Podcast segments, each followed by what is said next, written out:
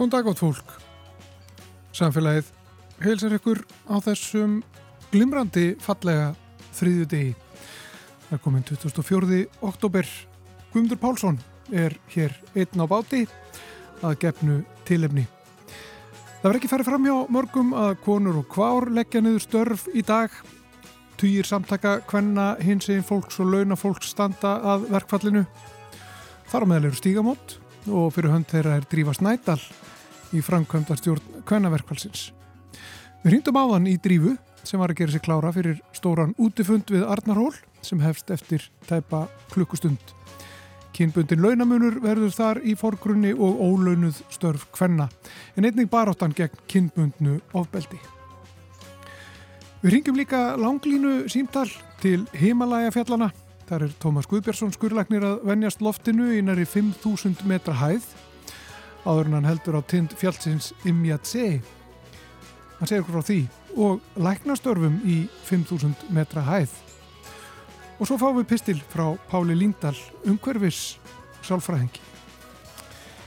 En uh, við ætlum að heyra í Drífu Snædal hér á eftir. En fyrst þá ætlum við að hlusta á eitt gott lag.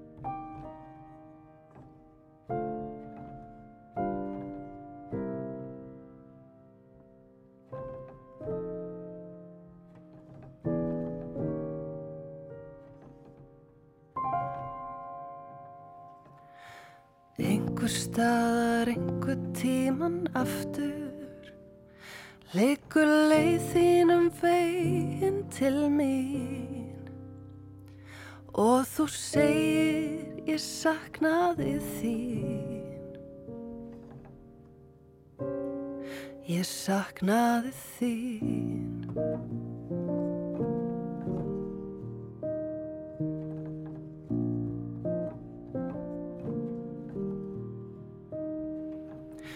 Killátt kvöldi kvíslar ástar orðum. Út í buskan hver heyrir þau nú. Út úr lífi mínu labbaðir þú Labbaðir þú?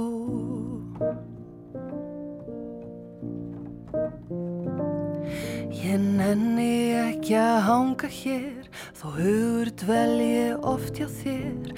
Lífið býður lík eftir mér. Það er alveg nóg af sorg og sút Svo ég ætla eitthvað út Að finna eitthvað félagsskap Því hygg þú veist er samúð tap. Nú er bráðum tími til að þeia Því að ósagt nú á ég svo fátt. En ég sendi þér kveðju í sátt Kveðju í sátt. En ég nenni ekki að hanga hér Þó hugur dvelji oft hjá þér. Lífið býður lík eftir mér.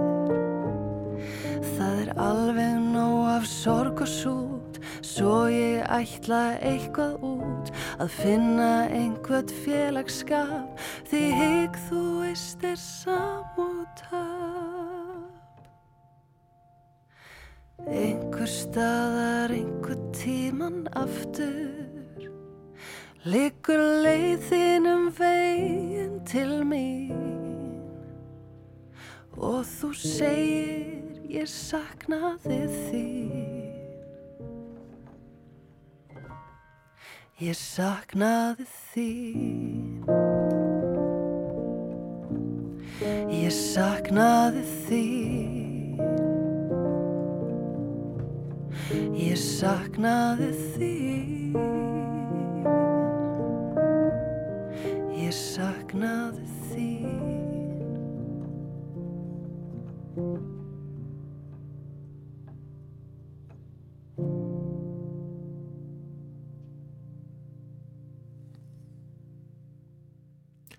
Þetta var Guðrún Ír Eifjörð GTRN á samt Magnúsi Jóhanni Ragnarsinni einhver staðar einhver tíman aftur. Lag af plötunni þeirra tíu íslensk sönglög. En áfram með samfélagið. Og þá erum við komin í samband við drífu Snædal talskonu Stígamóta. Uh, hún er að undirbúa uh, hvenna verkvall, hún er í framkvæmdastjórn uh, hvenna verkvallsins og núna við erum að taka þetta upp á hátdegi og já, undirbúningur er náttúrulega í hámarki núna að drífa. Já, ég var nú að hérna játa það, ég hef ekki verið virkust í undirbúinisnefndin en ég hef tekið svona nokkra, nokkur fjölmjöla vittul og erlenda fjölmjöla og, og hérna uh, og fylgst með svona aðeins af hliðalínni uh, en, en þetta sínist mér allt vera að smetla og hérna þetta verður einhver stórkoslega stund og er nú þegar búin að vera stórkoslega stund á Akureyru og víðar um land eh, en ég held að, að hérna, engin kona eða hvár sem mögulega getur eftir að láta þetta frá þess að fara núna klukka tvö. Já, um, hvernig bara, getur maður spurt svona bara, hvernig líður þér í dag? Hvernig, hvernig leiðir þegar þú fórst að fætur í morgun og sólinskein og, og þessi stóri viðböru framöndan? Já, ég hérna það er svo sjálfgeft að hafa þessa rosalega sterku tilfinningu fyrir sögulegri stund. Ég vil eitthvað fattar maður eftir á þegar sögulega stundir hafa átt í stað en núna það er búið að vera svo mikil uppbygging uh, fyrir þessum degi uh, og það er eitthvað það um, að við komum saman og viðkennum það að jafnbreytti sé ekki náð og við þurfum áttak til þess að ná jafnbreytti það er alveg stórkoslegt og ég hefði ekkit alveg haldið það fyrir árið síðan að það væri hægt að ná þessari stemningu. Þannig að þetta er bara, já, svolítið meir og svolítið reið uh, og vonguð. Þetta er þessi ekki móli. Já, þetta eru alls konar tilfinningar. Já. uh, og núna eru sem sagt, þegar við tökum þetta upp, svo það sé sagt, þá eru tveir klukkutímar í í eh, fundin eh, það hafa þegar verið fundir eins og þú nefndir eh, fyrir norðan þar sem er mjög mikil þáttaka þið búist við miklu fjölminni Já, ég held að það veri bara stútfullur bærin alveg öruglega og þetta er náttúrulega svo, þetta er líka svo rótgróið í minni okkar íslendinga að vera framalega í jafnbrettsbaraftunni uh, þessi dagur Þannig að ég held að fólk bara vilja alls ekki missa af þessu og vilja ekki setja mörgum og, og svona hitta þar á konu og ég finn það mjög stert sko þessi tilfinning, þessi þörf fyrir að vera með öðrum konum á þessum degi til þess að ræða stöðuna til að brína okkur og, og bara finna einhvers konar sýstra lag á þessum merkilega degi. Já. Það er, launamönu kynjana er þarna í forgrunni og, og þessi ólaunuðu störf uh, og þriðjavaktinn og þessi, þessi hutug sem við þekkjum og svo er það kynbundu ofbeldi sem er lög sérstök áhersla á uh, í dag. Já, og það er svolítið breytt frá 1975, þá þorðið lengin að tala um kynbundu ofbeldi þó að bara það hvenna fyrir fjárhanslu sjálfstæði væri náttúrulega líka baróta til þess að losna undan ofbeldi þó að það hef ekki verið sagt um orðum en þetta er enni fyrsta sinn sem að, sem að þessi dagur er helgaðu bæði launamun kynjana og kynbunnu ofbildi eh, af því að þetta eru tvær hlýðar á samanpinningum.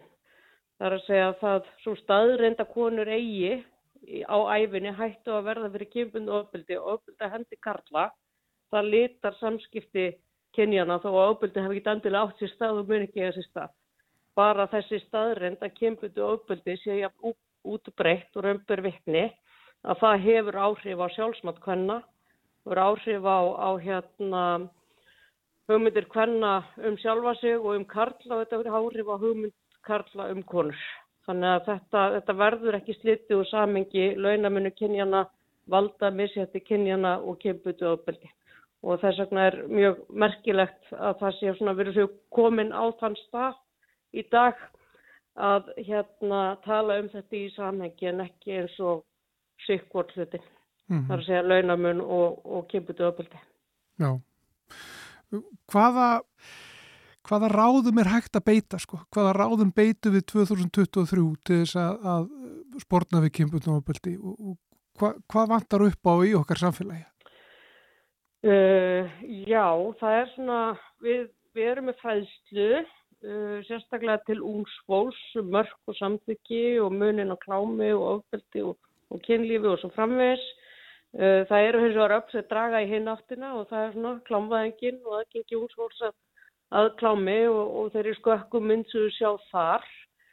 Uh, fræðsla er óbúslega mikilvæg. Það kemur ljós á, á ráðstafnum stígamótu voru með fengum erlanda sérfrænga til að tala um ofbeldsmenn og ofbeldsmenn á Íslandi líka. Að sko bara það að tala ofbelda um kynbundu ofbeldi og segja frá því hvernig það getur byrst, hvað það er, hvað afleggingar það hefur. Bara það um, segja, eh, er forverð í sjálfu sér. Eh, þannig að það er rosalega góður uppáspunktur og síðan er þetta hérna, bara forvarnir forvarnir, fræðslega forvarnir, það er þessi skipti máli og að um, þegar fólk beitir ofbeldi í talunum, þegar ungd fólk er að beita ungd fólk ofbeldi, að það hafi afleðingar strax og það er mjög mikilvægt, annars ef að fólk kemst upp með, ef að drengi komst upp með að beita stúrkur ofbeldi, þá verða þeir mann sem beita konur ofbeldi. Já. Þetta er alveg mál sem, að, sem að við erum að ræða og eru sett aðna í fórgrunn. Einhver síður er bjartur og fallegu dagur. Þið búist við eh, miklu fjölmenni. Eh, Hvena fer þú að, að taka þið til og, og, og leggja stað? Eh, það er svona, hvað, hálf tvö sem ég mun orkanir í bæ Svona, ég er að nýta morgunin bæði í viðtöl og, og síðan hérna bara að hitta mínar konur sem standa mér næst. Eh, þannig að við munum svona sapna okkur saman einhver staðar aftur, rétt fyrir göngu og fara saman. Já. Sko, og þú... fá svona tilfinninguna beint í æð. Þetta verður bara eitthvað stórkvæslegt. Og, og þú segir sko viðtöl og þú nefndir erlenda fjölmjöla, þetta hefur vakið heimsatikli. Alveg rosalega. Ég hérna hef svona verið að taka dreggjarnar af því. Það eru, eru aðra sem hafa afalega verið í þessu viðtölum en ég hef búin að taka þau nokkur og þá eru erlendi fjölmila bara að byttu við heldum að vera í afbreytu á Íslandi. Af hverju eru það þessu? Og þá þarf maður alltaf að útskýra það að þó að Ísland skori mjög hátt á jafnbreytti skala heimsins að þá hefur jafnbreytti ekki verið náð og þess vegna er ábyrð okkar líka svo mikil að segja bara Við erum hérna almennt talin hafa verið að koma mjög langt en, en jafnbreytti er ekki náð og þess, það er staðan sem heimurinn í og konur í heiminum ef þetta er staðan á Íslandi. Þannig að við svona, þetta leggur okkur svona ríkari skildur og herðar á Íslandi. Mm -hmm. Að reyna að vera til fyrirmyndar og, og, og hérna gerða okkur í brók. Er Ísland fyrirmynd annara ríkja þegar kemur á jafnbreyttismálum? Uh, já, einhverju leiti um, fólk erlendis lítur mjög hingað uh, fólk hefur hins vegar einhver svona hugmynd um að við séum búin að nája bretti og við séum búin að höndla sannleikan og það er ekki alveg rétt um, þannig að bæði já og nei en við höfum náttúrulega gert ímsa tilrunni hérna á Íslandi uh, til þess að, að útrýma kemurðu opildi og, og launamissiti en það er líka verið að gera mjög mikið af áhugaverðu hlutum Erlendis og við höfum verið að horfa núna til Nýja sjálfars, Ástralju, Kanada og víðar. Uh, þannig að það er ekki þannig að, að Ísland sé, sé að handla sannleikan og eru ekkert að sækja neitt annað mm. eftir góðum hugmyndum. Hvað er gert öðruvísið þar? Uh, já, Ástralja hefur verið mjög framalega í að kortleggja og reyna að skilja ofbildi karlakja konum til dæmis. Uh, og, og hérna reyna að laga réttakerfi þannig að konu fái réttlæti gegnum það. Uh, Nýja sjálfandi freka framalega í að verðmeta uh, sögulega vannmetin hvernastörf og reyna að búa til, hvað maður að segja, svona mótel í kringum það, hvernig hægt er að, að metta hérna hefðbytti hvernastörf til jafnsög hefðbytti karlastörf. Þannig að já, það er svona það er hægt að leita að fanga víða um heim. Já, við skulum ljúka þessu svona drífasnættal talskona stígamóta uh, sem að ásæti í, í framkvæmda stjórn hvernaverkvælsins uh, sem er í dag og núna bara eftir, þegar, þegar þetta talaði eftir tvo klukkutíma en, en þegar við uh, heyrum, þegar hlustendur heyra þetta viðtal þá er bara rétt tæpu klukkutími í þennan risastóra viðbörð. Takk kærlega fyrir spjalli drífa og já bara gangi ykkur vel í dag. Takk kærlega.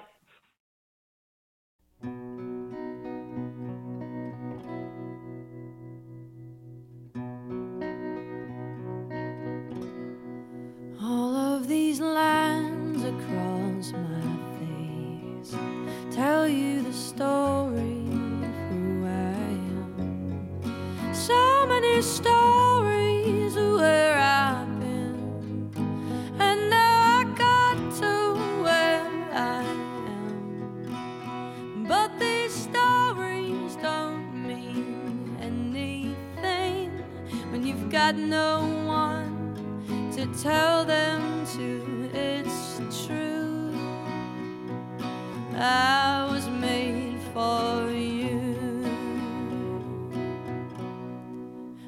climbed across the mountain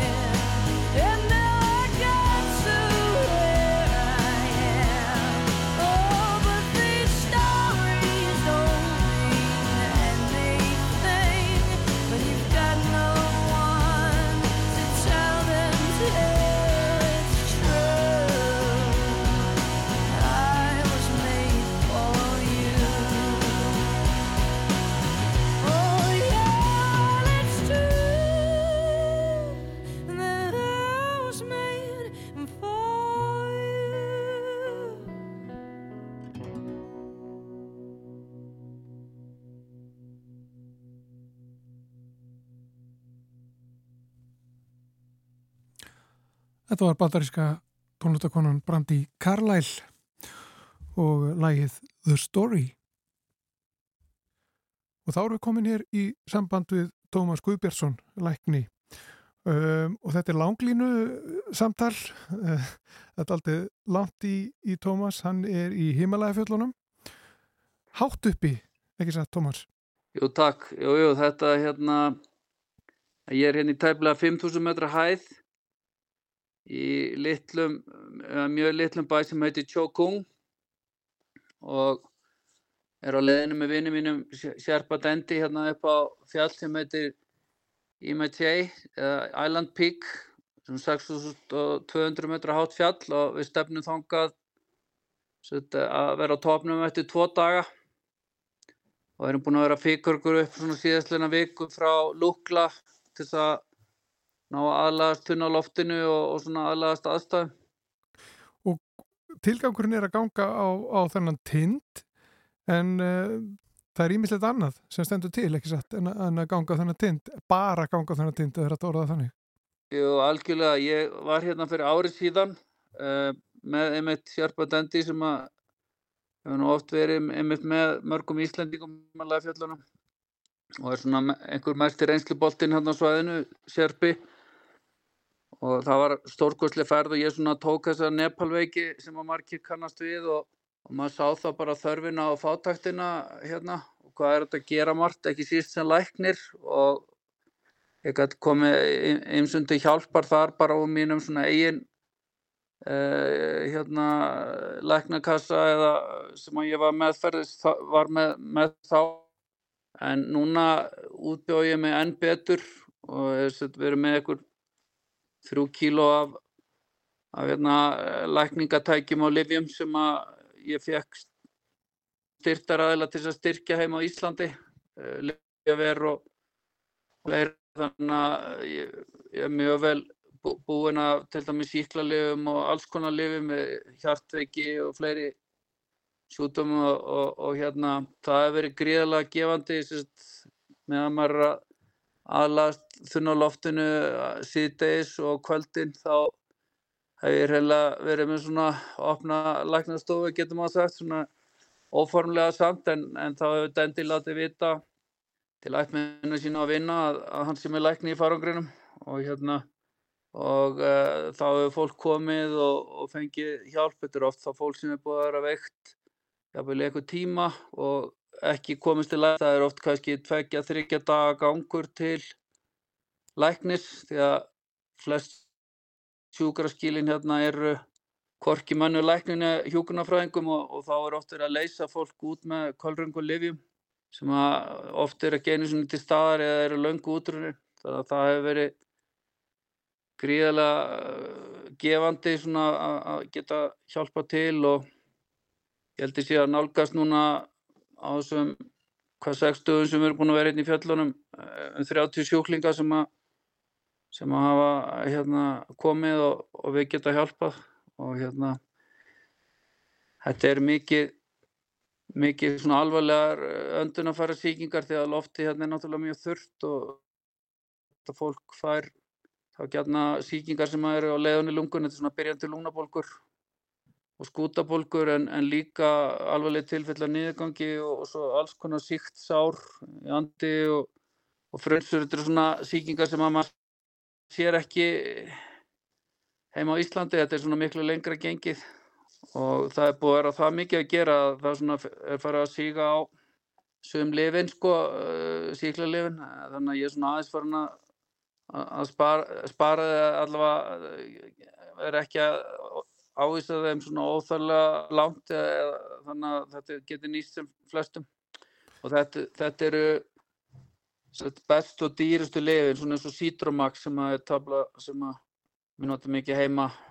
Og við erum svona að fara með bestu lifin ekki neina áganga eða lif sem eru útrúið og, og hérna ég held að það sé líka að þeir eru það alveg skilna Getur þú lísta hans fyrir okkur bara leiðinni Eh, sem að, sem að þú, þið eru að fara? Uh, og svona hvernig þetta gengur fyrir sig sko, þið, þið eru að reyna að, að laga ykkur að þunarloftinu þannig Einmitt. Þetta byrja náttúrulega löngu frá Íslandi, þetta tekur átt svona 16-18 tíma í mínu tilöki fór ég gegnum Oslo og svo Dubai og svo til Kathmandu.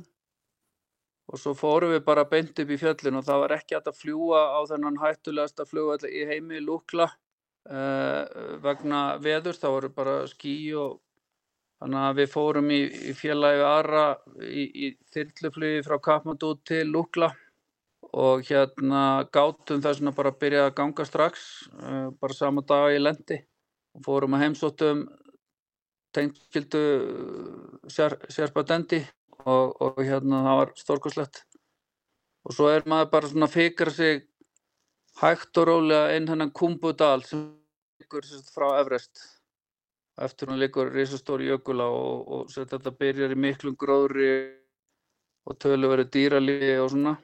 Og það er, getur orðið vel heitt á daginn alveg yfir 20 gráður. En síðan sér maður svona hvernig gróðurinn letur undan þegar maður kemur herra sem ég er engin gróður, það er bara steinar og, og stutt í snjó.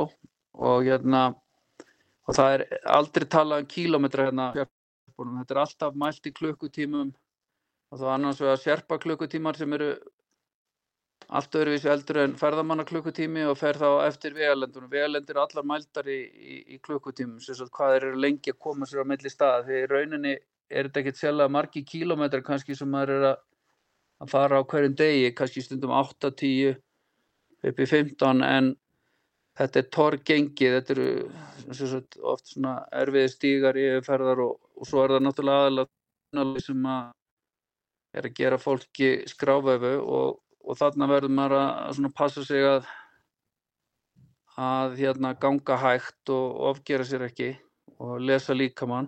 Og það er kosturum við það að vera bara svona ég er bara svona einn með sérpatendi og svo tvei með bræðurum hans sem eru þá svona byrðamenni í þessu leðangur við getum algjörlega stilt eh, svona raðan út frá okkur. Og hérna og við gistum svona í svona tehúsum á á kvöldin sem verður oft bísna kaltinni þannig að maður bara er í svona jöklaboka eða, eða góðu sveppboka en síðan hlínar þegar sólinn kemur upp og þetta er alveg indislegt fólk í þessum húsum og, og, og hérna góður hollur matur. En ég var til dæmis sjálfur svo óöppin í Kathmandu og ég passaði mig ekki alveg á, á mat sem ég borðaði þar áður við fórum á stað. Salat sem ég borðaði og fekk svona rosalega yðrakveisu sem að ég var alveg fjóra dagar hrist af mér og tókuð mér svona músti svona svolítið en er alveg komin yfir það. Og það eru svona vandamál svolítið sem að, sem að fólk er að kljást við eins og algengast er hæðaveikin og, og svo eitthvað svona öndunafæra síkingar og, og hérna yðrasíkingar en þetta eru náttúrulega flesti sem að sleppa og það þráttur er allt þetta, þetta hljóma náttúrulega eins og maður sé að ganga bara inn í eitthvað sjúdóma heima en það er alls ekki þannig, þetta er náttúrulega alveg stórkvæslega upplifun að koma hérna bæði fjöllin og, og fólkið. Og núna tekum við þess að við erum inn hérna í Tjókung núna og núna erum við svona dalið hérna fannar að stittast út á þunna loftinu og við förum í þess að brundbúður á, á morgun og, og erum bara að lappa hægt og svapna kröftum og gistum þar og svo leggjum við að staðu nóttuna, kannski tvö nóttuna með höfuljós og stefnum þá tindin í morgunsárið og ná sólarupprosunni og, og við erum hérna að horfa á Lotse sem er þriða fjall heims, það er hérna sett, rétt hérna bara mann næstu því snertir að hérna eða Hrygg Lotse og svo er Everest bara hérna hinn með, ég sé það ekki núna en en Amadablaðan þetta eru svona bara einhver svona fræstu fjöll í heimi sem að eru bara hérna allt í kringum okkur og þetta er svona fjallasalur sem er bara það er ól, ólýsanlega fallegt hérna. Já, og ég heyri núna sko að það er einhver að fá skilaboð nálegt er og við erum hérna að tala yfir netið. Það er gott samband þannig, verist vera. Við heyrum í þér mjög vel. Já, það er svona blett hérna í fjöldunum þar sem hægt er að komast í nettsamband sem eru tengingar. Þetta er nú svona notað fyrir hérna, þyrlunar og svona öryggiskerfin en, en annars samband hérna.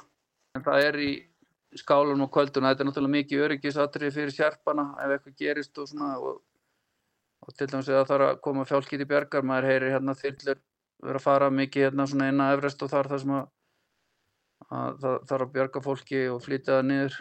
En hérna en þetta er samt svona bara nútíma tækni og, og hérna sem ég myndi kannski segja að það væri ókostur að vera nettengtur að geta ekki alveg kúplast út en þetta er samt eh, stórkvæmslegt frí sko því að maður gengur kannski í, í 5-6 tíma á dags eh, toppadagurum verður 12-14 en, en svo er maður bara svona eh, fara sér hægt og oftinu og bara hugsa og gera alls konar hluti sem að maður hefur ekki tíma til í, í, í öllum verðlirum heima á Íslandi.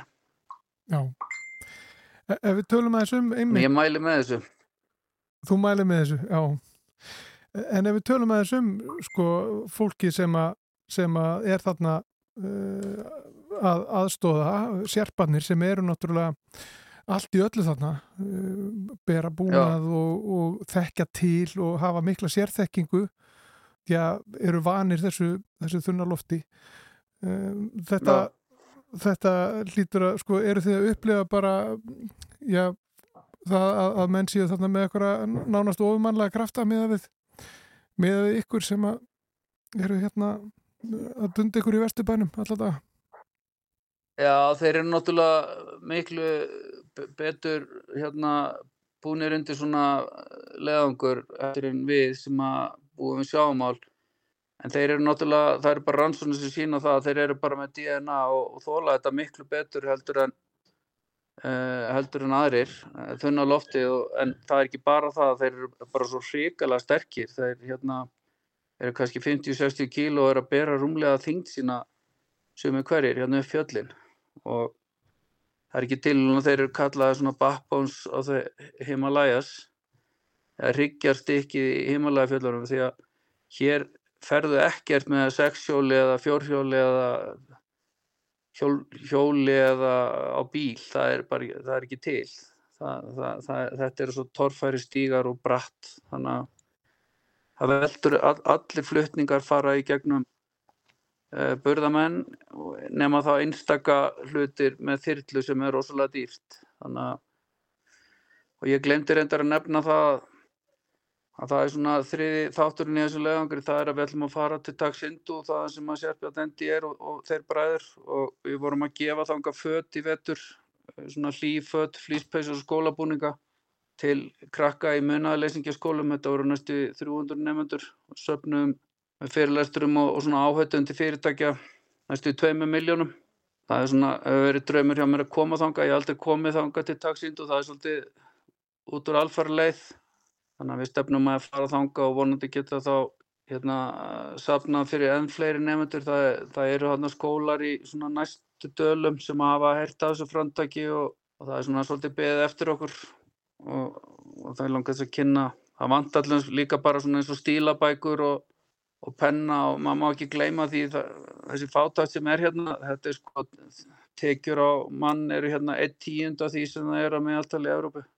Og hérna þannig að það er gríða, gríðarlega fátækt en að samanskapi er þetta eitthvað svona vingjallegasta og heiðarlegasta fólk sem maður kynnist. Það, til dæmis að þú gleymir símanniðinum hérna á borðinni í tegusunni eða eitthvað svona, þú, þú getur alveg garantera það, það er alveg engin sérpi sem tekur það. Þeir eru bútatrúar og, og það er þetta sem maður svona drekkur hérna í sig, þannig að heiðarlega og, og þessu, þessu óbáslegu gestrisni. Mm og, og, og hérna og þeir eru svolítið eins og Íslendingar þú veist, þetta, við erum alltaf með þetta þetta reddast, þeir eru svolítið þannig líka þeir, þú veist, ef það kemur eitthvað upp á í svona leðangri, þá er alltaf bara öllu reddað. Um, hringdi næsta mann eða eða einhver, einhvern veginn, þeir finna alltaf lausnir á öllu, þeir eru bara vanir því að þurfa að bjarga sér, svolítið eins og við höfum þurft á Íslandi.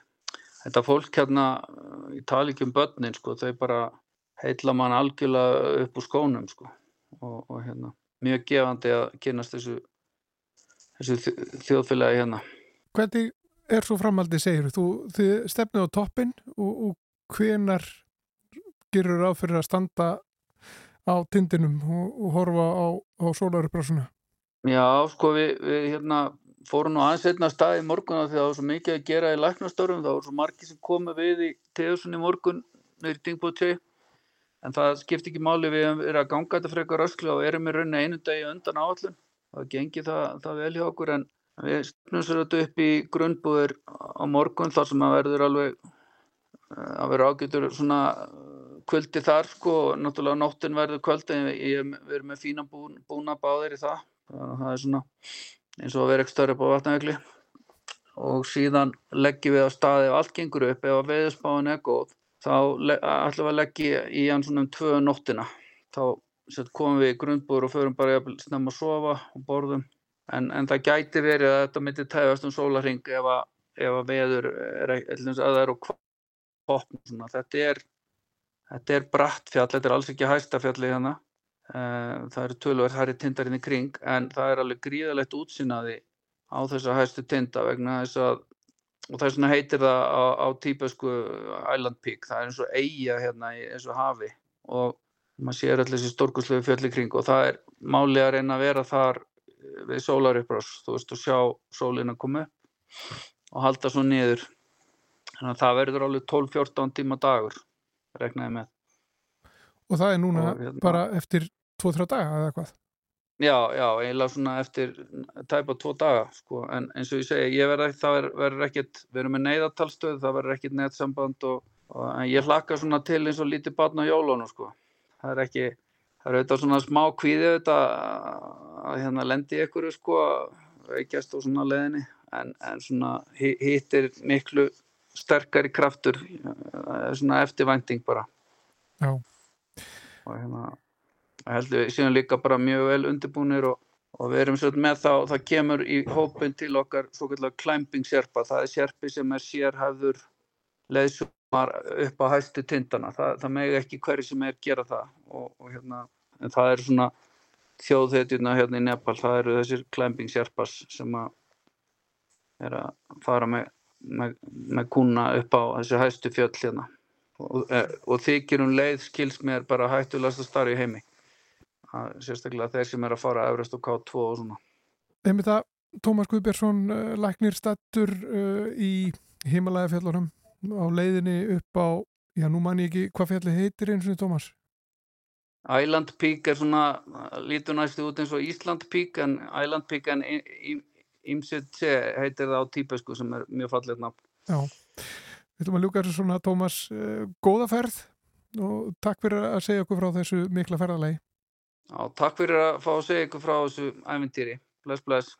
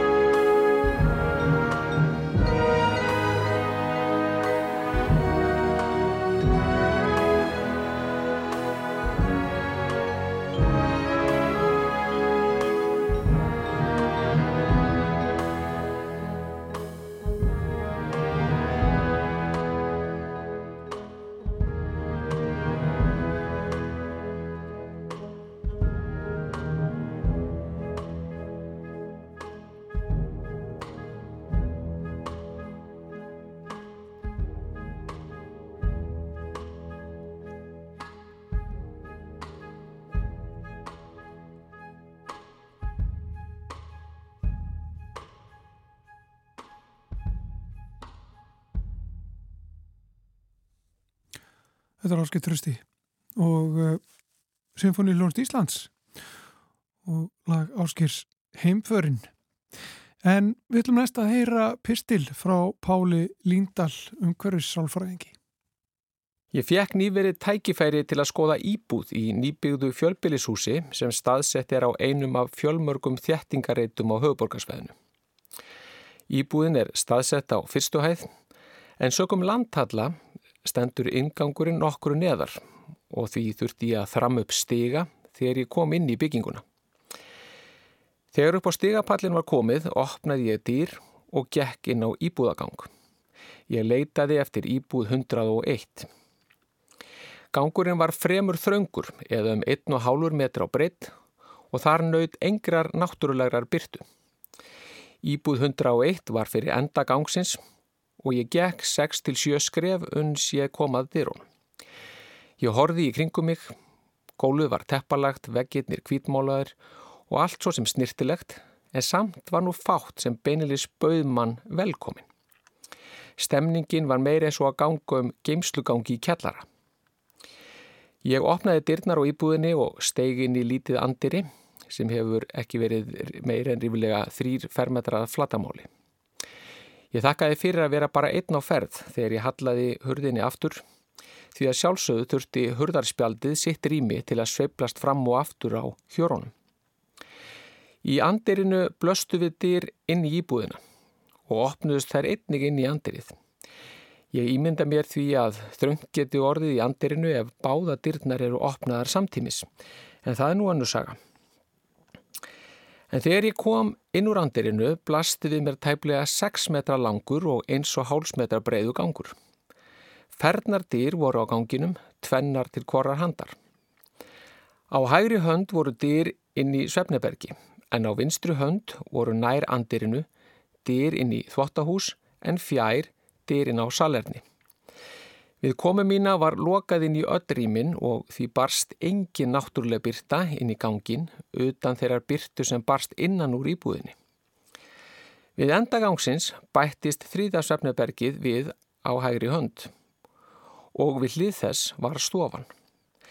Vinstra megin var skipulegið með þeim hætti að eldhús opnaðist við endagangsins til móts við innstæðsvefnebergið Eldúsið var svo kallað opið eldús og aðskildi 85 cm há skápaeining það frá borstofunni. Borstofan og stofan mynduðu svo í saminningu einsta rými íbúðarinnar. Í horni borstofunar voru svo dýr sem veittu að gangað verönd fram af íbúðina. Veröndin, umkrynd 170 cm háum timburskjólvegg, tegði sér frá borstofuhorninu með fram útvegnum undir borstofugluggan og stofugluggan að næsta húshorni. Mér leið skringilega þarna inni. Það var eins og skipula íbúðarinnar sneri öfugt eða væri á útkverfunni. Tilfinningin að fara inn í íbúðina var eins og ef maður hefði hafið leikin inn í innsta kjarnar rýmisins, í heilegasta hluta þess og svo unni sig út á yfirborðið. En þegar út á yfirborðið var komið, lokaði timburskjólveggur öllum leiðum. Maður var einhvern veginn inni króaður og áttaði sér ítla á því hvaða svæði ætti að gegna hvaða hlutverki í þessar íbúð. Árið 1977 kom út bókin A Pattern Language eftir þau Kristófer Alexander, Söru Ísekava og Murray Silverstein og fjallaði bókin um arkitektur, skipulag og lífanleika samfélagsins.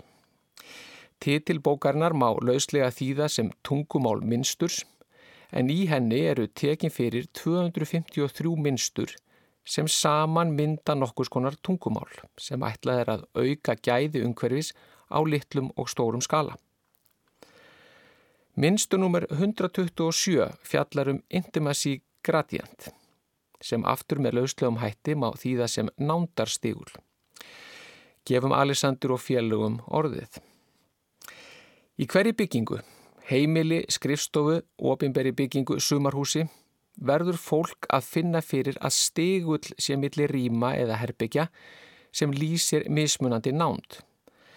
Svefnebergi er persónlegasta rýmið, vinnurými og eða setustofa baka til er ögn minna persónuleg, stofur og eldús eru enn minna persónuleg og opnar í almenningi og andiri er almenningsrými. Þá segja Alessandur og félagar að ef rými innanhús er ekki skipulög með þeim hætti að þau gefi skýrti kynna hvort þau séu engarými eða almenningsrými eða eitthvað þar á milli, þá munir fólki alltaf líða daldi undarlega þar inni. Með þessu eru Alessandur og félagar að leggja áherslu á það sem að David Kurs, profesor við Kaliforníu Háskóla í San Diego, kallar viðurkenda þekkingu í arkitektur og skipulagi og fælst í því að snirti herbyrgi til persónulegra nota sé ekki staðsett við útidirnar og almenningsrými fyrir gesti séu ekki innst í húsnæðinu. Þannig að gestir séu tilneitir til að þraungva sér í gegnum engarými fólks á leiðsynni yfir í það almenna. Lausnin fælst því því að skipulegja húsnæði með þeim hætti að skapaðu sér nándar stigull í rímónum sem byrjar við ingangin og í rýmum sem hugsuð eru sem almenningsrými, stig af stíi verða rýmin personulegri, uns engarýmum er náð. Þetta kann því að skýra fyrrgreinda upplifun mína í íbúðinni, því þegar ég kom inn í hana, gekkir beint úr andirinu inn í engarými, færðist svo smám saman út úr engarýmunu yfir í almenningsrýmið eftir því sem ég kom innar í íbúðina nákvæmlega öfugti það sem Alexander og félagar bóða og í raun í fullkominni þversögn við það sem eðlilegt má teljast bara svona ef maður hugsaður út í það.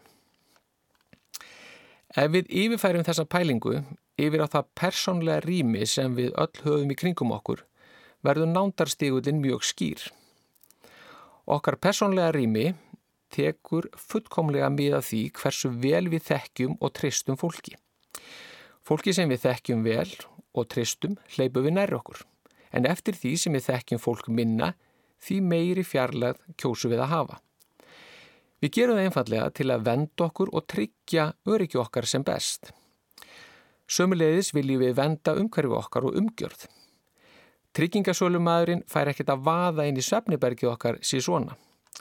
Öðru máli gegnir hins vegar um besta vin eða vinkonu og ef pýparið þarf að fara inn í söfnabergið til að laga opnin þá gerum við rástafanir. Til dæmis með því að laga svolítið til, draga frá glugganum eða förum með óhrinnan þvott fram í þvottahús. Við viljum fá að stjórna því hvað fólk upplifir í okkar umhverfi og okkar umgjörð. Það er ekkert allt til sínis fyrir alla. Það er því mikilvægt við hönnun húsnæðis að teki sér miða þessum reglum sem rista djúft í eðlokkar. Reglur sem sprotnar eru af þörf okkar fyrir að vend okkur og hámarka öryggi okkar í ótryggum heimi. Og þegar fariðir eftir þessum reglum veitir það okkur velíðan og sálarú. Þetta kann að skýra af hverju mér hlínar ennum hjartaræðunar þegar ég hugsa til heimsókna í húsett á höfuborgarsvæðinu en síðasta heimsóknin varum fyrir 40 árum. Húsnæði stendur ljóslefandi fyrir augum mér og lengi dreymdum um að kaupa og búa þar. En það er nú hannu saga. Í þessu húsnæði er gengið inn í forstofu og það er inn í bjart hól. Inn af hólunni er stofan og þaðan er hægt að ganga út á verönd ef fariða til vinstri en inn í borstofu ef fariða til hæri. Úr hólunu er einni gengt inn í eldhús og þaðan er svo hægt að ganga inn í borstofuna. Þannig mynda þessi rými með mjög samfærandi hætti þann hlutar nándastigulsins sem næri við rými sem telja má til almenningsrýma þó vissulega upp að ólíku marki, líkt og fyrir var líst. Svefnabergis álma er einnig tengt við hólið og myndar hún hinn hluta nándastigulsins, þann sem næri við yngarýmin. Þar má sjá gang, fjögur, svefnabergi og salerni. Þar getur heimilisfólk synt sínum málum án þess að þurfa eiga neinn samskipti við tryggingasölumannin sem er fram í hólunu eðin í stofu.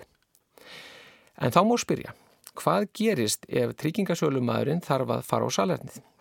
Það er ju staðsett í Svefnabergis álmunni. Þessu var hönnuður húsnæðisins búin að gera ráð fyrir og setti því gestasalerni við forstofuna. Þar með er nándastigullin fullkomnaður. Húsræðandur hafa fulla stjórn á því hvað tryggingasölumæðurinn fær og sjá og upplifa innan vekja heimilisins. Og enn en rós í nappagat hönnuðarins er svo að bjóð upp á að eitt af sefnibergjónum geti tilheyrt báðum hlutum nándarstigulsins. En það gerðan með því að hafa yngöngu inn í herbyggið bæði beint úr hólinu og af gangi Svefnherbergis álmunar. Þannig er hægt að breyta herberginu í almenningsrými eða prívatrými eftir þörfum og geðþóta hverju sinni. Tryggingasölumæðurinn fær þá mögulega tækifæri til að kíkja inn í eitt rými í viðbót. Þannig til næst.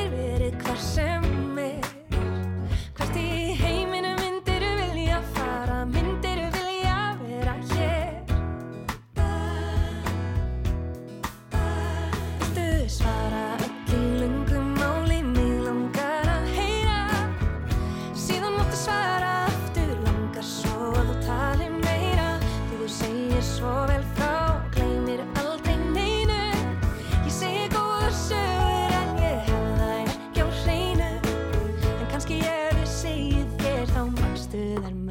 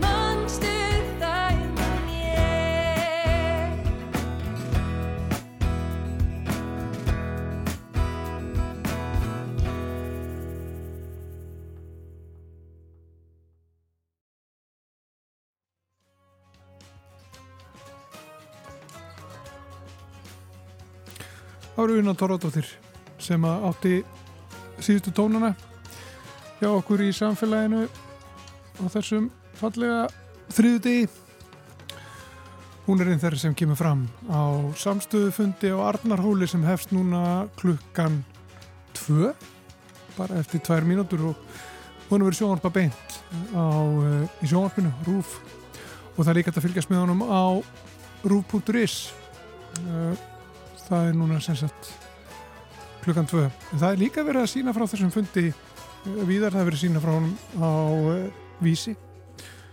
Og það er smá stemming.